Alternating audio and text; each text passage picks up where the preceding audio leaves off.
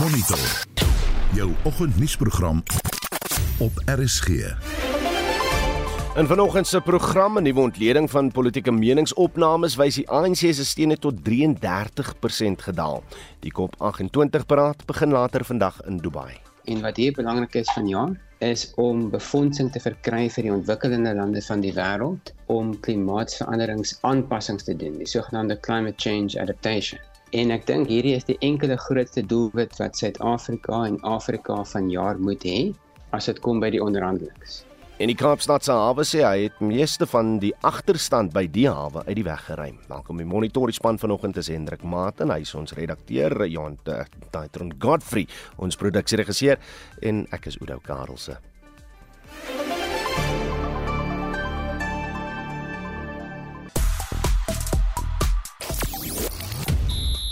In jou sportnuus, ons fokus op die SA Ope golftoernooi wat vandag afslaan. In cricket, Virat Kohli gaan die eendag en T20 reeks teen die Proteas misloop en 'n doelfees in die UEFA Kampioenligga beker gisteraand. Ja, doelfees maar nie vir my span nie.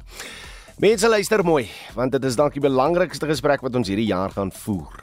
En die vraag is eenvoudig: Wat is jou raad met muskiete? Die warm weer het swerms muskiete gebring wat ons almal in die aand tuister. Wat doen jy om hulle af te weer? Werk knoffel. As jy knoffel eet, buite lê jou nog. Wat is jou raad? Asseblief. Vir my werk 'n waier so naby naby jou bed perfek, maar jy weet mos. Beerdkrag. Jy gaan slap in die waier aan voor jy weet as die krag af en dan buite lê jou heel aan. So laat weet wat is jou raad met muskiete? Laat weet op RSG se Facebook bladsy. Julle paar van julle het al reeds, maar uh ja, neem deel aan daai gesprek. Of stuur vir ons 'n SMS op die nommer uh, 45889. Dit kos jou R1.50 per boodskap. Jy kan ook vir ons 'n lekker stemnota op WhatsApp stuur op die nommer 0765366961. Dis 10 minute oor 6. 'n Ontleding van die jongste meningspeilings wys dat die ANC in volgende jaar se verkiesings sommer as 33% van die stem sal kry. Die Inclusive Society Institute, 'n navorsingsorganisasie, het die ontleding gedoen. Die organisasie meen die ANC sal steeds as deel van 'n koalisie kan regeer. Ons praat met die bestuurshoof van die instituut, Darryl Swanepoel. Darryl, goeiemôre. Goeiemôre Oude, goed, goed om saam met julle te wees. Lekker om jou saam met ons te hê. Dan bestaan meningspeilings wat in groot mate verskil met julle ontleding. Julle opname dat die ANC so minstens 33% van die stem kan werf is die laagste onder sulke navorsing. Waar op is julle syfers gebaseer? Ja. Kyk, dis nie die volle prentjie nie. Hmm. Ehm um, die 33% is op al die gereg geregtigde kiesers in die land. Hmm.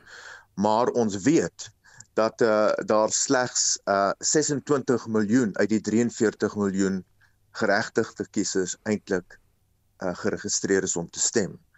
So as 'n mens die aanpassing doen om die syfers te uh, in lyn te bring met die geregistreerde kiesers, dan skuif die ANC se steun op na 39%. Hmm. Maar daai 39% is uit 'n uh, syfer van 100 en binne daai 100 is daar kiesers wat nie wil sê uh vir wie hulle gaan stem nie of uh wat um, wat nie geregistreer is om te stem nie.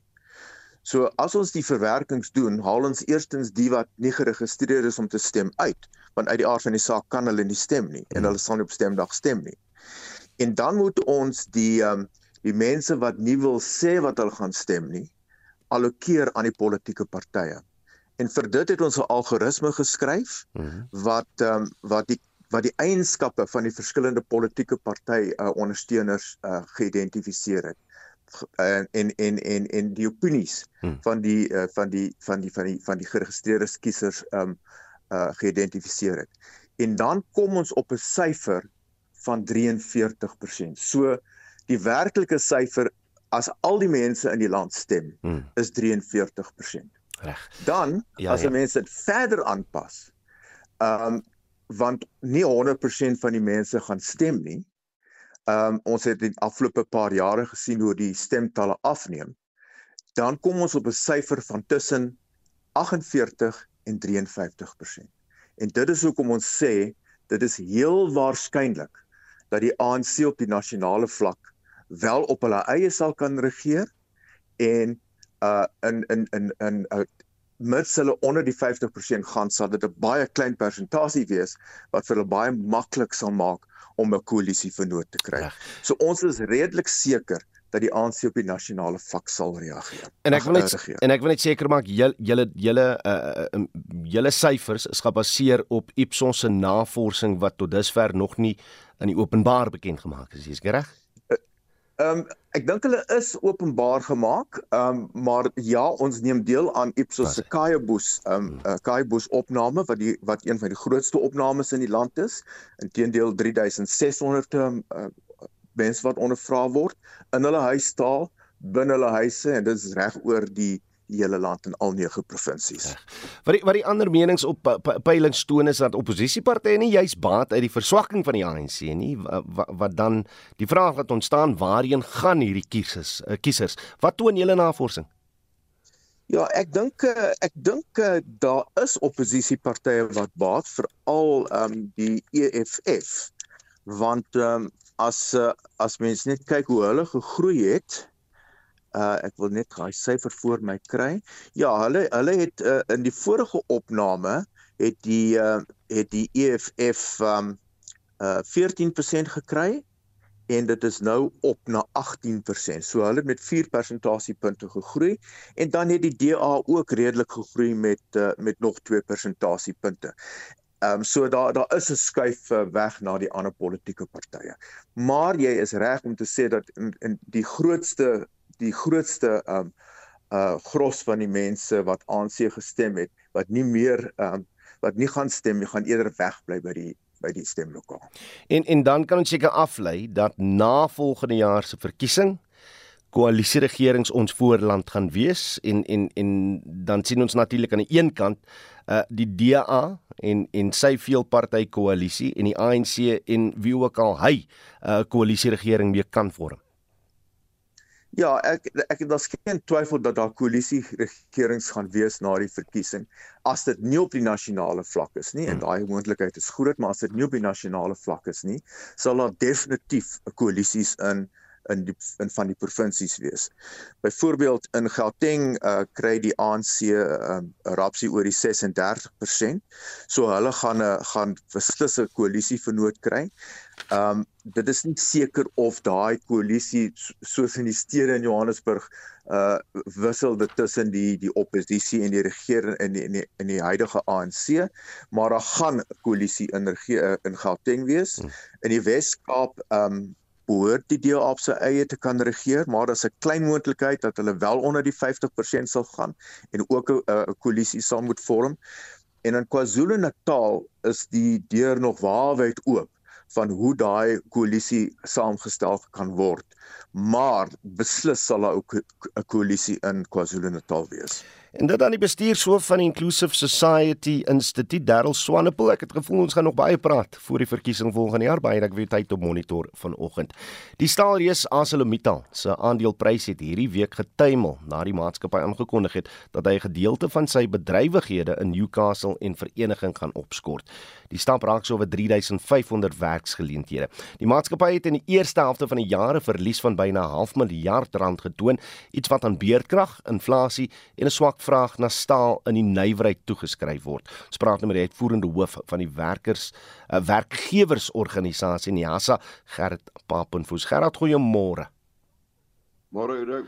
Eers die ewige waarskuwing van Volkswagen oor hoe bedreig sy bedrywighede hier in Suid-Afrika is en nou ArcelorMittal. Wat gaan aan?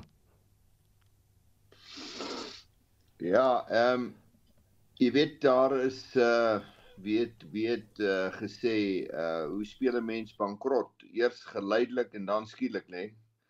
Gradually and then suddenly. Hmm. Nou, ek dink die wiele kom bietjie af. Ek dink kom af mens uh, wil nie 'n swart gallige prentjie van die land skilder nie, maar daar's eintlik nie 'n area wat nie uh deur die wanbestuur van die ANC baie sleg geraak word nie. Elke faset van van uh ons samelewing word baie baie baie sleg getref. En uh Ehm um, mense kan nie meer daarvan wegkom nie. Ek dink uh iemand wat die ANC nog 'n kans kans gee om hierdie ding reg te maak is is naïef. Hmm. Uh die hulle hulle kan nie die rand regeer nie en en en besigheid voel dit en jy sien dit hoe besigheid uh ehm um, reageer nou as as uh, Arcelor Mittal 3500 werkers wil aflê potensieel dan is dit 'n derde van hulle werksmag. Ja. Nou ou kan ou kan ou kan uh jy weet hulle ehm um, uh, die regering het ArcelorMittal baie lank beskerm. Uh, ons staalpryse is onkompeterend en uh, hulle eie mark is nou ondergrawe. Nou maar goed, dit help my nie ons gee ArcelorMittal die skuld vir môre nie. Hier is baie faktore. Hulle word ook deur goederes baie sleg getref. Uh beerdkrag is baie sleg vir hulle. Ehm um, wat gebeur op die spoorweë is sleg vir hulle. Die hawens is sleg vir hulle. Dit is dit is moeilik en uh Volkswagen dreig nou hulle hulle sê nee, hulle hulle het nie uh hulle het nie gesê hulle wil die land verlaat nie, maar die feit is dit is gesê want hulle vra hulle vra hoekom moet ons hier bly? Uh hoekom moet ons nog hier vir uh verteen uh vervaardig? uh te midde van al die uh teenwind wat hulle kry, wind van voor met baie opsigte en wat natuurlik in die op die, in die hawens gebeur is massief. Dit hmm. dit dit is uh dit is 'n enorme probleem. Dis nommer 1 die die 'n uh, persoon wat vervaardig sukkel om te vervaardig met al die probleme en die staat se inmenging in in in in in met in die regulatoriese uh, omgewing. Dan moet jy jou goed by die by die by die hawens kry en as jy hom daar kry kry hom nie uit die deur die hawens nie. Ja. dis 'n uh, dis 'n baie slegte situasie. En jou mening, Niasa se mening, is dat hy nie reggemaak kan word onder die huidige regering nie. Die ANC kan dit nie regmaak nie. Ek meen ek ek meen dis soos 'n werknemer wat 30 jaar lank swak werk uh lewer. Hy moes eintlik lankal in die pad gesteek gewees het. Moes lankal. En nou het jy 'n groot krisis in jou maatskappy en jy gaan sê vir hom, van alle mense, weet jy wil jy nie ons probleem vir ons uitsorteer? Dit kan mos nie. Dit dit dis onrealisties. 'n Mens mens gaan na persone toe wat 'n ding kan regmaak. Die ANC kan nie die land regmaak nie. Hy is van bo tot onder korrup. Hy is uh, gevul met onbevoegde werknemers met uh, kader deployment. Uh uh BE die land baie baie seer gemaak, maak die land nog steeds seer. Ehm um, dit is die mees dwaase beleid wat jy uh, denkbaar wat jy kan hê. Uh ons het 27 miljoen mense wat op grants lewe. Van hulle is leef net op grants. So, vir sommige is dit aanvullend 27 miljoen mense. Daar's 16 miljoen mense wat werk en 7 miljoen mense wat uh, belasting betaal waarvan 'n klein persentasie van die 7 miljoen betaal by verre die meeste belasting. Dis onvolhoubaar. Ons sal moet eh, die land sal moet in alle opsigte herstruktureer nie dink nuwe beleid invoer en dit is reg te maak maar ongelukkig is die by die stembus is die mense wat stem vir 'n lewe is meer as die mense wat werk vir 'n lewe. As hy sal dit daar moet laat uh, dit is die mening van Neasa en die hoof uit of die uitvoerende hoof van die werkgewersorganisasie is Gerard Papenfoes. Skyf van aan en die COP28 konferensie begin vandag in Dubai in die Verenigde Arabiese Emirate. Daar word verwag dat president Cyril Ramaphosa dit saam met ander leiers sal bywoon. Ons praat nou met die Suid-Afrika uh saad jong direkteur-generaal vir klimaatsverandering en luggehalte en ook die land se hoofonderhandelaar by COP28, Maisela Kekana. Maisela, good morning. Good morning to you. Good, good, good to have you on. Let, let's just firstly look at uh, what the main priorities are for South Africa at this summit. We obviously want to make sure that uh, our fund for our just energy tra- energy transition grows and our fund for mitigating climate effects uh, grows. How do you go about this as chief negotiator? Oh no, thank you for, for having me on, on, on your show.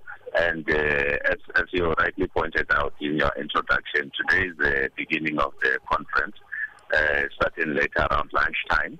Uh, and, and, and we are just now doing the final uh, preparations uh, from a regional uh, block perspective.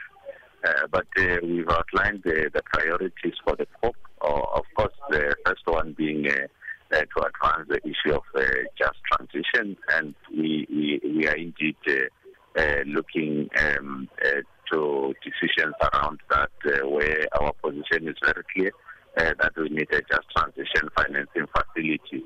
uh, that can help us with the implementation of our just transition plans. Uh, but then, as you know, the biggest thing at this conference actually uh, it's not that. It is uh, uh, this thing of uh, stock taking. We call it global stock take. Uh, because the Paris Agreement cycle is, is structured that it's a five-year cycle where uh, countries have to put forward their plans, nationally determined contribution plans. The, the world, five years. The world, into that yeah. is a is a is a process of taking stock in terms of how we are doing, in terms of uh, reducing emissions, building resilience, and and means of implementation.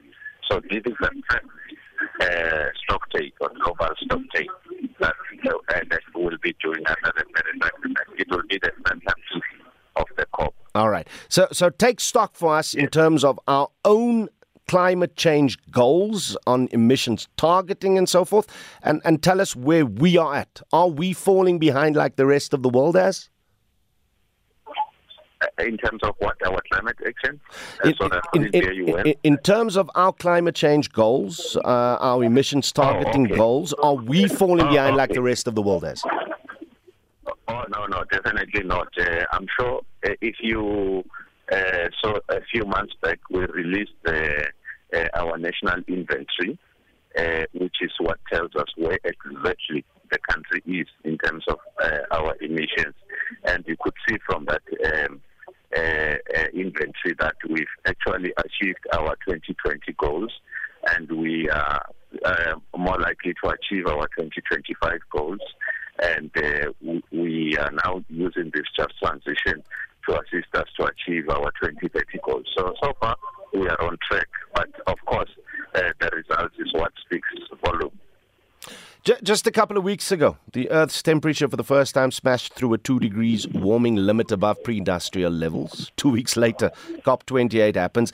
Is this a warning that we are simply, as, as a global community, not turning the tide with all these talks and agreements, or a reminder that we are dangerously dragging our feet? Uh, well, uh, I'm I'm not so sure where those figures come from, uh, because as far as I know, the latest scientific information uh, shows that uh, uh, we've reached about 1.4 degree goal, 1.4 degrees. Uh, and uh, the projection was that by next year we are going to breach uh, what we are all trying to achieve, the 1.5 degrees. Uh, but fortunately, science is telling us that the El Nino that is fueling this high temperature increases now is weaker than what was expected. So we are unlikely to breach the 1.5 degrees uh, next year. Uh, but of course, this is not enough. We need to we need to do more, uh, as the IPCC has said, uh, so that we don't. Remember, the goal is to limit these temperature increases to below 1.5 degrees, uh, because if you uh, overshoot that, as science says, we are going to overshoot it, then you will enter into this uh, uh, tipping point, and and that is a world that we do not want to go into. Nou, Suid-Afrika se hoofonderhandelaar by COP28, Mysela Kekana, baie dankie vir tyd op monitor.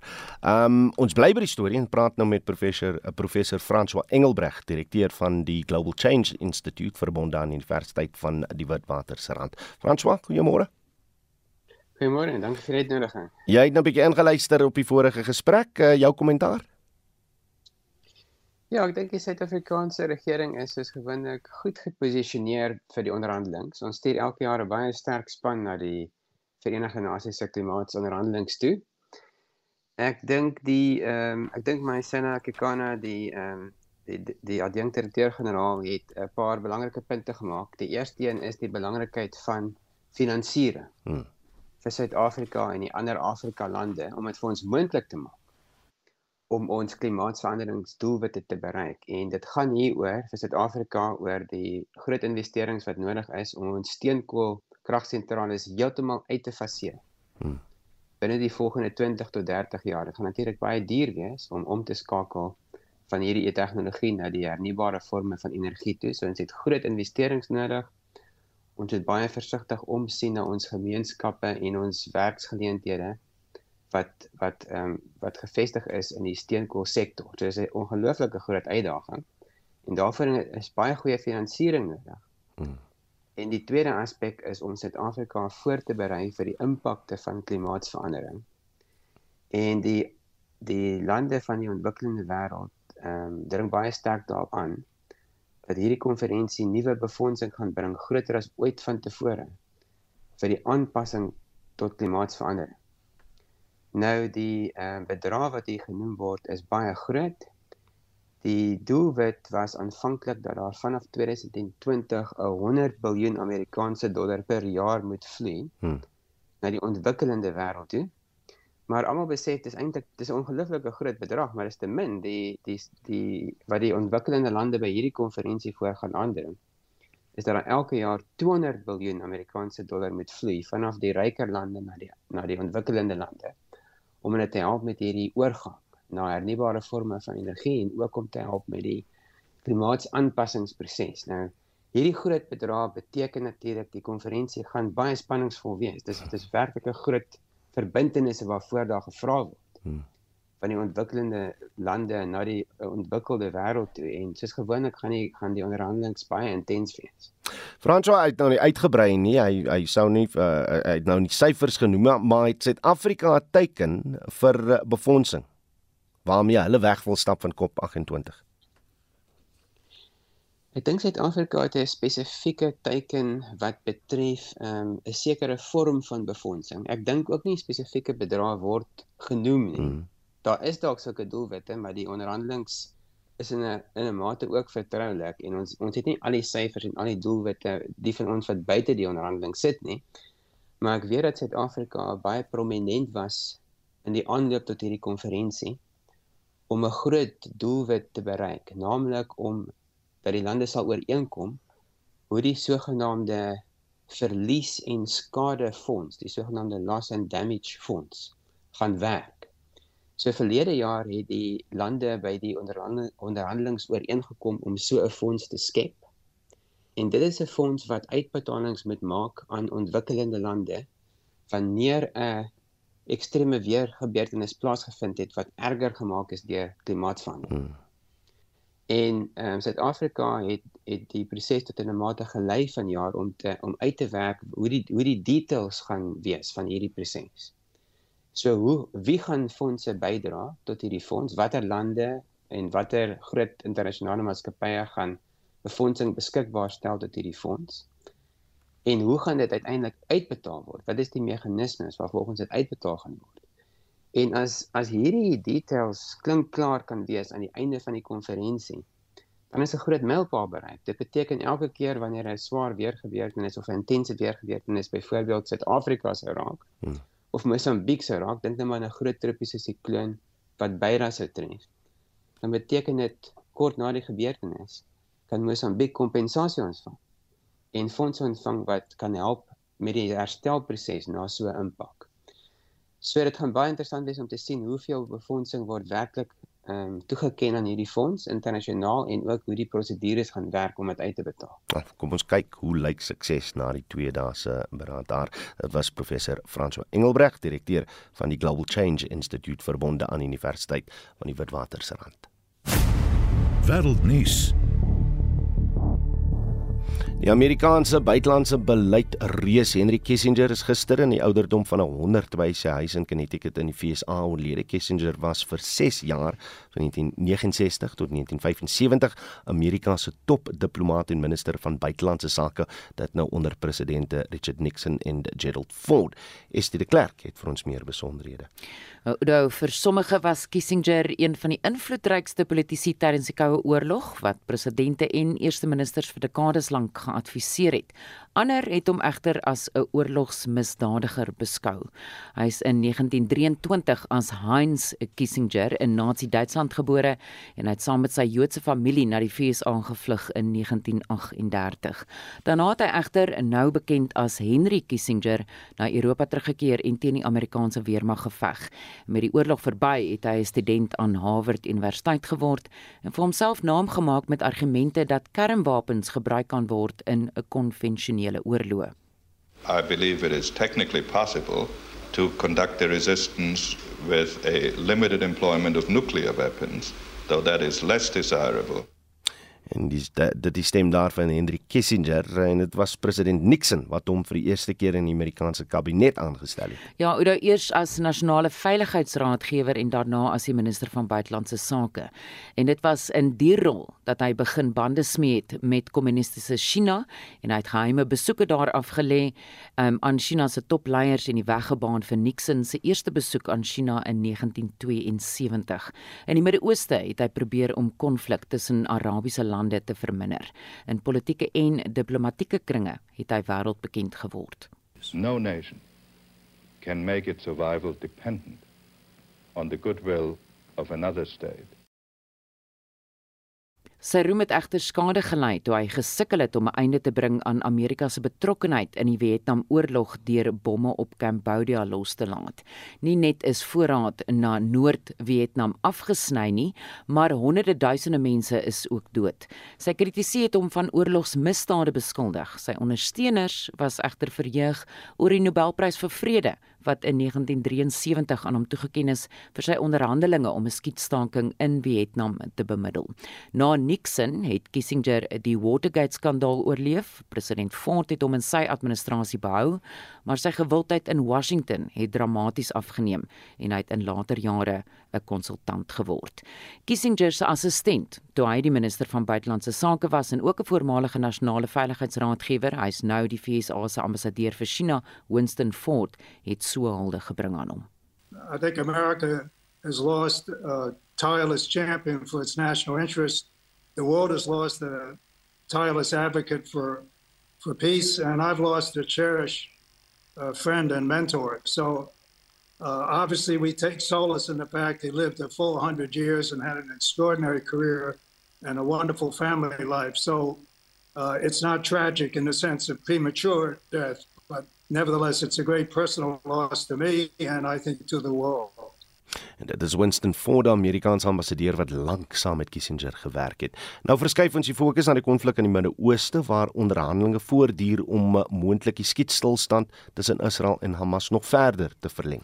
Oor gister, soos wat ons weet, was die 6ste dag van die skietstaking en 10 meer Israeliese gijslaers is deur Hamas vrygelaat en nog 30 Palestynse gevangenes. Die sekretaris-generaal van die van die Verenigde Nasies, Antonio Guterres, het by 'n VN-veiligheidsraad vergadering gesê onderhandelinge vir 'n permanente skietstilstand moet voortduur. The people of Gaza are in the midst of an epic humanitarian catastrophe before the eyes of the world. We must not look away. Intense negotiations are taking place to prolong the truce, which we strongly welcome. But we believe we need a true humanitarian ceasefire. And we must ensure the people of the region finally have a horizon of hope by moving in a determined and irreversible way towards establishing a two state solution on the basis of United Nations resolutions and international law. en die stem daar van die sekretaris-generaal van die Verenigde Nasies Antonio Guterres. Die BBC berig twee seuns, onderskeidelik 8 en 14 jaar oud, is vroeër doodgeskiet tydens 'n klopjag deur Israel in die stad Jenin aan die Wes-oewer. En is die president Cyril Ramaphosa se woordvoerder Vincent Magwenya het gister by 'n media-konferensie gesê Suid-Afrika is nie in die proses om sy bande met Israel te verbreek nie. En hoe dit is nou in die lig van die mosie wat verlede week in die parlement goedgekeur is dat Israel se ambassade in Pretoria gesluit moet word totdat 'n permanente skietstaking bereik is, maar Magwenya het by hierdie media-konferensie gesê die regering het geen planne in die stadium om diplomatieke bande met Israel op te skort nie. En dit was Estie met 'n oorsig oor vandag se wêreldnuus. Jy luister na Monitor. Elke weekoggend tussen 6 en 7.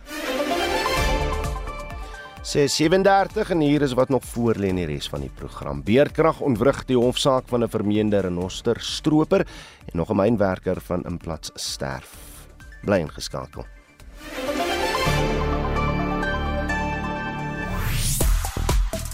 Reg mense, vanoggend het ons jou raad nodig en dis maklik. Wat is jou raad met muskiete?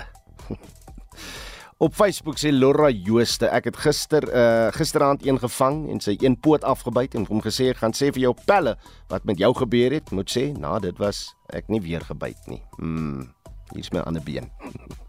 Dan sê Annetjie Dreyer, uh hou maar een van daai battery aangedrewe rakette langs jou bed in die sitkamer. Hulle spring en ontplof net daar. Iemand het onlangs opgemerk dat muskiete met swaard toegerus is. Dan sê uh Lorraine Darries, 'n koppie van elk sunlight seep, suiker, wit asyn, water meng en sit in uh, die huis rond. En dan sa 'n paar mense wat raad gee soos Vicks en uh, tea tree olie sit 'n paar druppels op 'n stukkie watte langs jou bed. Dit werk vir my. Dan is daar ook mense wat uh, hier is die mengsel wat ek gesoek het. Antoinette van Lil sê ek het vir jare mengsel van 'n derde water, derde dettel en 'n derde brandspiritus gemaak. Skit goed en spuit aan, maar uh, nou lyk dit my die muskiete raak immuun daarteen. Oh, dankie vir die raad dan. Antoinette, maar stuur nog van julle raad asseblief. Hoe maak julle met muskiete in die hand? As dan die beerdkrag is, is my waier aan, dan sê ek oukei. Okay. Maar julle weet mos, beerdkrag probleme. Reg, uh, op Facebook kan julle gerus saamgesels. Stuur vir ons ook 'n SMS op die nommer 45889 dit kos jou R1.50 per boodskap of stuur vir ons 'n stemnota op WhatsApp na die nommer 0765366961.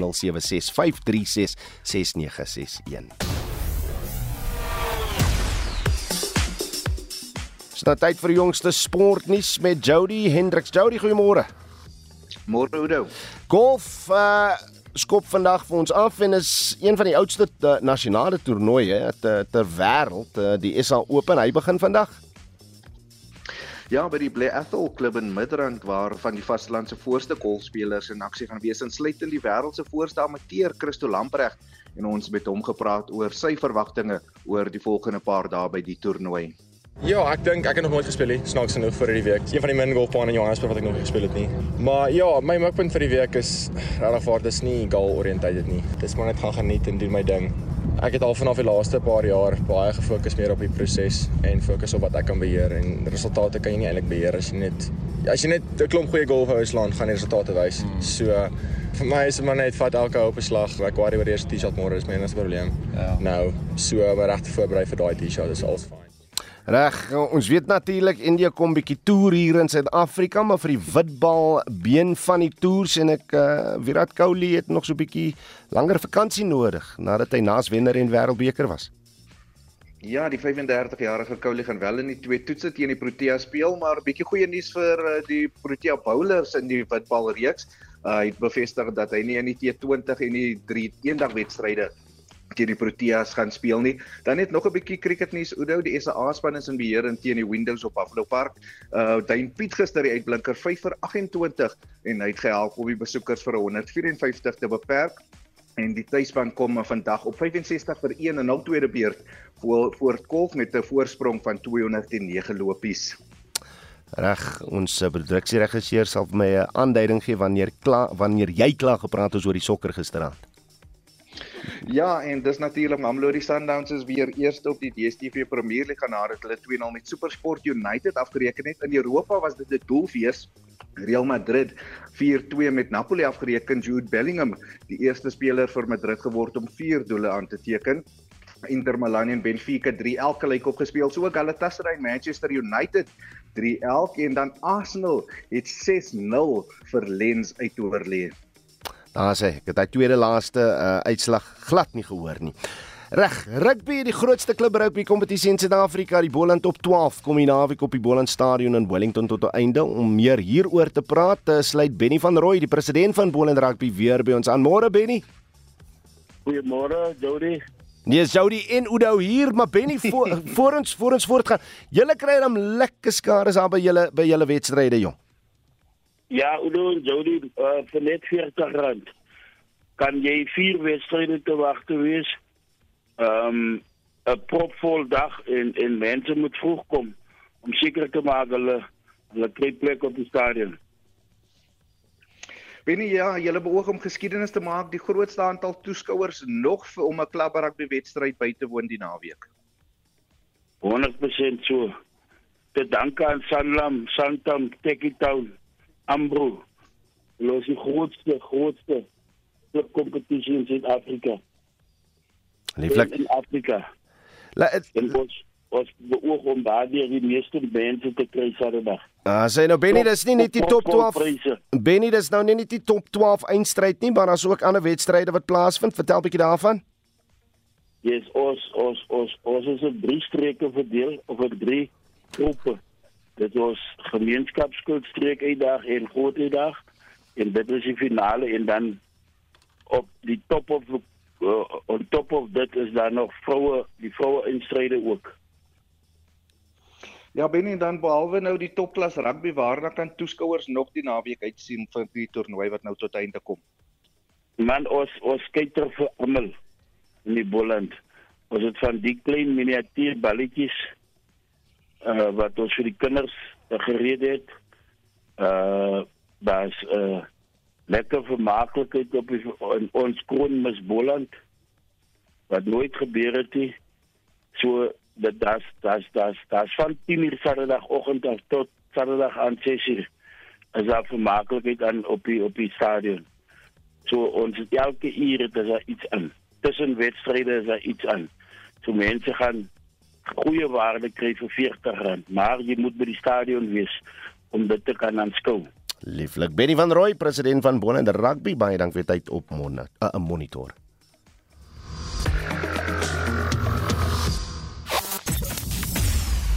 Monitor jou oggendnuusprogram op RSG. 'n Ondersoek deur die drukgroep Open Secrets na die Lady R sage het uiteindelik tot onthullings oor 'n militêre martelbende gelei, as dit mens so kan stel, waarby ten minste 4 eenhede van die nasionale weermag blykbaar betrek word. Dit sluit die spesmagte brigade, die militêre polisie, militêre inligting en regsdienste in. Ons praat nou met die direkteur van Open Secrets, Henny van Vuren, wat weer by ons aansluit vir eh, deel 3 van wat amper 'n vervolg verhaal geword het. Henny, goeiemôre. Oor goeiemôre, goeiemôre aan die luisteraars. Gee net vir ons 'n bietjie meer besonderhede van die sentrale fokuspunt van die ondersoeke of ondersoek was misdade wat deur die soldate gepleeg is. Ja, baie dankie. Oor ek gaan maar in Engels praat as dit as dit reg is. Gaan voort. Um Udo, we published both a third and a fourth piece today, and they, they describe um, uh, the next parts of the story. And, and as you rightly say, we were investigating, and uh, starting at the Lady R, we looked at the role of special forces there, then the abduction of um, some individuals from the Mall of Africa at the end of last year, and particularly the assassination of a man by the name of Franz Matipa, Lieutenant Colonel in the Hawks, who was investigating this. He was assassinated by sharpshooters in August this year. And whistleblowers subsequently came forward, a number of them, many of them within the public service, brave people within uh, within the state, and um, gave us a particular, not only a story, but provided evidence rather of the role that special forces have played, we believe, in torturing individuals. And this really goes back to a particularly different case. Um, Udo, late 2019, rifles went missing from the SANDF stores. Mm. And from what we understand, the military decided that they needed to recover them as they should. But what they what they did incorrectly is instead of handing the matter over to the police when they suspected civilians were involved, they went on the hunt for civilians. And that hunt was led by the special forces, and in one instance, it was led by a man by the name of Lieutenant Colonel Sunnyboy Pini Wambi, the same man we have photos of in this in the uh, Mall of Africa when the abduction took place in late uh, late last year. And so we're starting to piece together individuals that are involved in illegal criminal activity that are harming the human rights of South Africans. Dit herinner bietjie aan die optrede van die veiligheidsmagte onder apartheid, maar waar misdade onder groot geheimhouding gepleeg is en en die skuldiges nie tot verantwoording geroep is nie. Gaan dit in hierdie geval, dink jy, gaan dit gebeur dat mense verantwoordbaar gehou gaan word? Well, um, Udo, it must happen. There is absolutely no choice. The, the article that we've published today, the investigation, speaks to a, a man who was held for five days, Pule and Komo, um, in, in as part of that same so-called investigation by the military. He was tortured. He was waterboarded. Um, you know, he was he was beaten. Um, he still has the scars today, where he can't see properly. Um, you know, the, the the the point is that the, this kind of activity has been normalized, and we understand that the chief of the army, General General Mbata gave the orders to the to the soldiers, who we believe might include special forces, to squeeze his balls. Uh, but um, so the, it's not only a crassness; it mm. hankers back to the way things were before. And the point is, the moment you've got people like this, General Mapoto, as the head of military police, apparently had, knew about the uh, uh, the kidnapping of this individual, his detention and unlawful detention, and and possibly his torture as well. It means that the senior ranks of the military have also been possibly criminalized. There is one way to solve this. It's not just about us speaking out. We can publish this. Mm. It is President Ramaphosa's responsibility as the commander in chief, the, the what were once called the Rekis are now called the Special Forces. They effectively report to the chief of the SANDF and to him. It is his responsibility to intervene. It is his responsibility to ensure that ministers, uh, that his minister, Tandi Modise, and he uh, start a process, if necessary, to fire generals and for there to be a large scale inquiry. We know, if I can add one point, mm. Udo, is that there has been an investigation which uh, some whistleblowers basically forced internally, and that is a board of inquiry led by uh, uh, Brigadier General uh, John Moorhouse. They sat earlier this year, heard evidence from tens of uh, different witnesses within the military. Um, that that report was handed to the chief of the SANDF and has been sitting on his desk for the last six months. Now we're saying that must be made public. It must be handed to Parliament, and that must not be the end, but must be the start of a full investigation into criminality within the SANDF. If not, torture, murder will become normalized ordinary ordinary civilians and certainly the politicians will be next if they aren't careful. Dit is nou die derde keer waar ek en jy gesels. Deel 4 van die ondersoek sal na verwagting vandag gepubliseer word. Ek is seker en nie ek en jy gaan weer in die toekoms hieroor praat as niemand aksie gaan neem nie. Yeah, baie dankie Udo and we will be putting pressure on and working with others to make sure that there is definitely action. En dit was die direkteur van Open Secrets Henny van Vuren. Die Kaapstad se Houer Terminaal het laat weet dat die grootste deel van sy agterstand uitgewis is. Die terminale het die beskikbaarheid van hulle toerusting verhoog om bedrywighede te verbeter. Hulle werk tans met 20 hyskrane waarvan 6 onlangs met nuwe enjins toegerus is en 3 met kragopwekkers. Die Houer Terminaal voltooi tans herstelwerk aan twee bykomende hyskrane en het ook 7 tweedehandse masjiene bekom wat in Desember gelewer moet word. Ons praat nou met die uitvoerende direkteur van Hotgrow, wat uh, die eh, kernvrug en steenvrugbedrywe uh, of bedrywe verteenwoordig Anton Rabe. Anton, goeiemôre. Goeiemôre Oudo. Hierdie werk wat gedoen is, is 'n duur affære. Hoe waar waar het al die geld vandaan gekom? Nee, dit moet jy maar vir vir Transnet vra. Ehm um, maar van soos ek verstaan byvoorbeeld hierdie tweedehandse RTG's wat nou kom met uh, van die skepingsrederye beskikbaar gemaak. Ehm um, en uh, ja, ons is ons is dankbaar dat dinge bietjie beter gaan. Maar uh dis uh dis 'n bietjie van 'n oë vir blindery want ons begelyk nou hierdie situasie met 'n totaal onaanvaarbare diensvlak van die laaste 2-3 jaar. So uh hef aan lê voor. Ehm um, so ons bly bekommerd. Hoeveel verbetering moet daar wees uh, voordat ons by hy punt uitkom? Nee, dit sal 'n redelike dramatiese ingryp uh, moet wees. Ehm um, jy weet wêreldwyd is die staat basies die eienaar van van die van die perseel of die verhuurder van die van die hawens maar die privaat sektor speel 'n belangrike rol in die bedryf uh, van uh, van daai uh, hawens. Um, en dit sal by ons ook moet gebeur. So uh die president maak die regte geleide. Um, ons het hierdie uh sogenaamde NLCC uh, National Logistic Crisis Committee in plek en daar word uh, vordering gemaak maar die privaat sektor sal moet betrokke raak in 'n in 'n totale herkapitalisering en die uiteindelike bedryf van eh, van ons hawens uh, anders uh, gaan gaan ons nie uit hierdie uh, diep gat kom nie. Reg praat dan net van die impak op uh, die uitvoer van vrugte en vir julle bedryf uh, uh gevolge die die die verbeterings wat ons nou wel by die uh, ouer terminaal gesien het. Ja wel dit in November is ons is eintlik ons heel stilste maand so uh, dinge behoort eintlik glad nie eers 'n uh, uh, uh, uh, uh, uh, issue te wees as ek dit so kan so kan stel nie. So ehm um, die die die uh, piektye kom. Ehm um, wind gaan weer waai en uh toerusting gaan weer breek, maar ons ons verstaan daar is uh, uh parte op uh, op die perseel, daar's uh, werktegkundiges, daar is hierdie uh, uh toerusting wat 'n bietjie op opgegradeer is en onderhoud opgedoen is, nuwe uh, engines gekry het en in in so aan. Ehm um, maar maar as 'n bedryf is ons ook besig om planne te maak om vrugte uit die houer uh stroom uit te skuif na ander uh vervoermodusse. Jy weet uh hmm. kyk na na die Oos-Kaap hawe spesifiek die die Namibiese tafeldrywe en van die Oranje rivier se tafeldrywe gaan tans Walvis Bay toe. Ehm um, en daar's van ons uh produsente en uitvoerders wat tot 50% van hulle volumes hierdie komende seisoen gaan skuif uit die houer terminaal na na na van hierdie ander opsies. Uh dit dit kos meer geld. Ehm um, jy weet, maar dit is goedkoper as om die risiko te loop om op die ou end nie vrugte op tyd hmm. op spesifikasie in die regte mark te kry nie.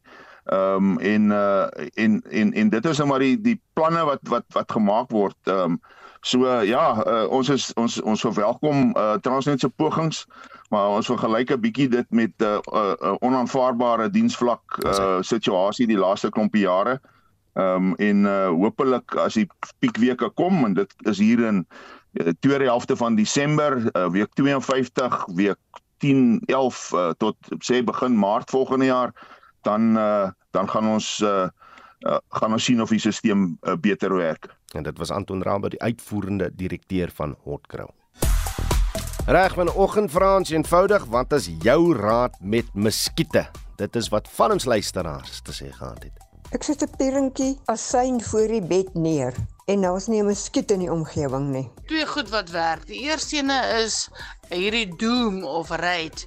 Die tweede een is bloekomolie. As ek my met bloekomolie gesmeer het, nee wat, muskiet se kind hy hardloop weg, weg, weg, weg. Hy soek glad nie die reuk van bloekomolie nie.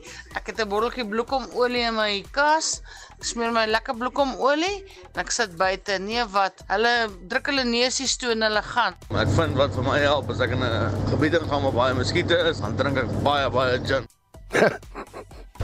Daar sê, daar's nou vir jou raad en hier's 'n bietjie raad vir muskiete en blykbaar vir jou vel.